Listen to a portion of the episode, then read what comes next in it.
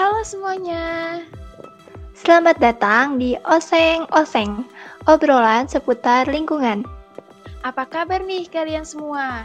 Semoga selalu sehat ya. Oh iya, kali ini kita akan memperingati Hari Bumi yang jatuh pada tanggal 22 April 2021 karena kita tinggal di bumi dan aku berharap banyak semoga semakin banyak orang yang peduli pada bumi dan seisinya. Eits, dan yang pasti kita akan ngobrol seru seputar lingkungan nih. Salah satunya yaitu sumber daya alam yang termasuk dalam rumpun lingkungan. Oh iya, sebelumnya ada pepatah Tak kenal maka tak sayang. Uh, asik. Kenalin, nama aku Safira dan pada podcast Oseng-Oseng ini aku nggak sendirian loh. Aku ditemani oleh rekan podcast aku yaitu Aini. Halo Aini, apa kabar? Halo Safira, Alhamdulillah baik. Gimana nih kamu sendiri? Alhamdulillah baik kok.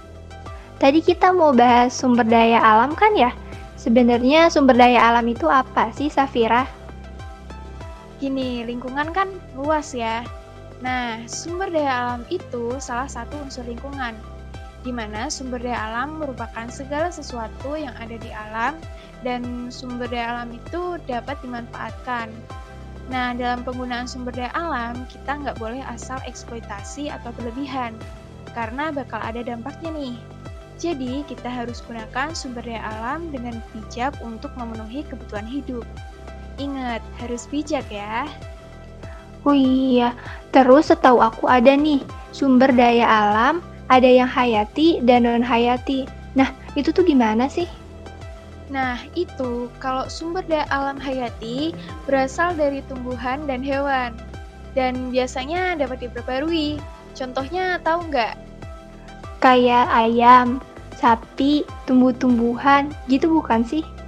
Yaps, betul betul betul. Kalau hayati itu kebalikannya. Jadi bukan dari makhluk hidup dan tidak dapat diperbarui. Jadi kalau habis ya habis. Contohnya apa? Wah, aku tahu nih. Kayak air, tanah, minyak bumi gitu kan? Ih, keren banget deh kamu. Nih, coklat virtual buat kamu. Asik. Tapi pernah nggak kamu uh, mikirin kalau sumber daya alam di Indonesia itu seperti tidak terkelola secara optimal. Ngerasa kalau masyarakat tidak sejahtera dengan sumber daya alam yang begitu melimpahnya di Indonesia. Jadi bingung nih aku tujuan dari sumber daya alam itu apa sih? Wah, sulit sih. Nah, jadi gini nih, sebenarnya ada beberapa tujuan dalam mengelola sumber daya alam. Yang pertama itu memanfaatkan sumber daya alam secara bijak dan terkendali, seperti yang aku bilang tadi. Terus yang kedua itu ada menyelaraskan hubungan manusia dengan lingkungan hidup. Dan yang ketiga yaitu menjamin kesinambungan pembangunan berwawasan lingkungan demi kepentingan generasi sekarang dan yang akan datang. Gitu. Oh, gitu ya. Ternyata tujuannya tapi apakah saat ini tujuan-tujuan itu udah tercapai sebagian atau belum sama sekali? Soalnya setahu aku nih ada kebijakan nasional yang menetapkan visi pengelolaan sumber daya alam, yaitu terwujudnya sumber daya alam yang terkelola secara adil, menyeluruh, terpadu, dan berwawasan lingkungan untuk kesejahteraan masyarakat. Nah, Rumusan visi ini diinspirasi oleh amanat yang terkandung dalam pasal 3 Undang-Undang Nomor 7 Tahun 2004 tentang sumber daya air. Oke oke, uh, aku juga pernah denger itu sih. Nah, tapi seiring dengan berjalannya waktu, visi tersebut gak bisa jalan dengan mulus karena ada beberapa masalah yang mulai muncul. Salah satu masalahnya itu adalah bertambahnya jumlah penduduk di Indonesia nih. Nah, dari bertambahnya jumlah penduduk ini akan berakibat ke masalah lain seperti alih fungsi lahan, kemudian ada peningkatan eksploitasi air tanah dan seperti merambat ke yang lainnya gitu. Wah, berarti kita sebagai manusia nih harus banget mulai bisa menjaga sumber daya alam yang ada di sekitar kita ya kan? Soalnya kalau dilihat dari masalah-masalah itu cukup besar ya dampaknya bagi generasi mendatang. Iya, bener banget deh. Nah, kita harus sama-sama nih mewujudkan visi tersebut. Oh iya, apa aja sih yang bisa kita lakuin gitu biar masalah-masalah uh, yang sekarang itu bisa terselesaikan dan sumber daya alam itu tetap terjaga? Hmm, menurutku yang paling utama itu kesadaran masing-masing dan tindakan pemerintah sih. Kalau sumber daya alam itu perlu dijaga keseimbangannya dan juga perlu diperhatikan gitu seperti doi ya salah asik tapi kan ada tuh masyarakat yang menggunakan sumber daya alamnya itu buat acara adat atau budaya-budaya gitu. Oh iya? Kayak gimana tuh? Hmm kayak kampung naga itu uh, bisa menggunakan sumber daya alami gitu. Jadi uh, di sana itu gak ada listrik kayak masih asri gitu. Terus sumber daya alamnya itu masih terjaga. Jadi masyarakat di sana masih bergantung pada sumber daya alam yang ada. Terus ada baju suku Asmat tuh yang terbuat dari rajutan, daun sabu dan pada e, sisi bagian atasnya itu tuh e, dipenuhi oleh bulu burung kasuari.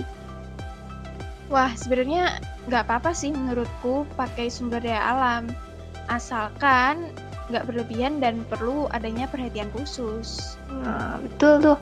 Uh, apa pun yang berlebihan itu tidak baik kan. Terus kita harus menjaga keseimbangan sumber daya alam juga kan. Wah iya, keseimbangannya tuh penting banget. Tapi sebenarnya gimana sih caranya? Ih, gampang banget asal dan niat mah. Nih ya, yang pertama, kita tidak boleh membuang sampah sembarangan, apalagi itu dibuangnya ke kali atau sungai. Parah banget sih itu. Kedua, limbah pabrik itu tidak dibuang ke kali atau sungai. Malah kalau bisa limbahnya itu diolah supaya tidak mencemari lingkungan. Ketiga, gunakan transportasi yang ramah lingkungan. Bisa naik sepeda, kalau deket juga kita bisa jalan kaki deh. Keempat, matikan lampu dan elektronik lainnya jika tidak digunakan. Nah, kadang ini nih suka lupa, apalagi kalau nonton TV, terus ketiduran deh. Kelima, pakai air sesuai kebutuhan alias tidak membuang-buang air? Sepele sih, tapi susah banget buat dilakuin. Nah, makanya berawal dari diri sendiri, jadi kita bisa nyontain orang lain. Nah, mungkin orang lain itu bisa ngikutin juga.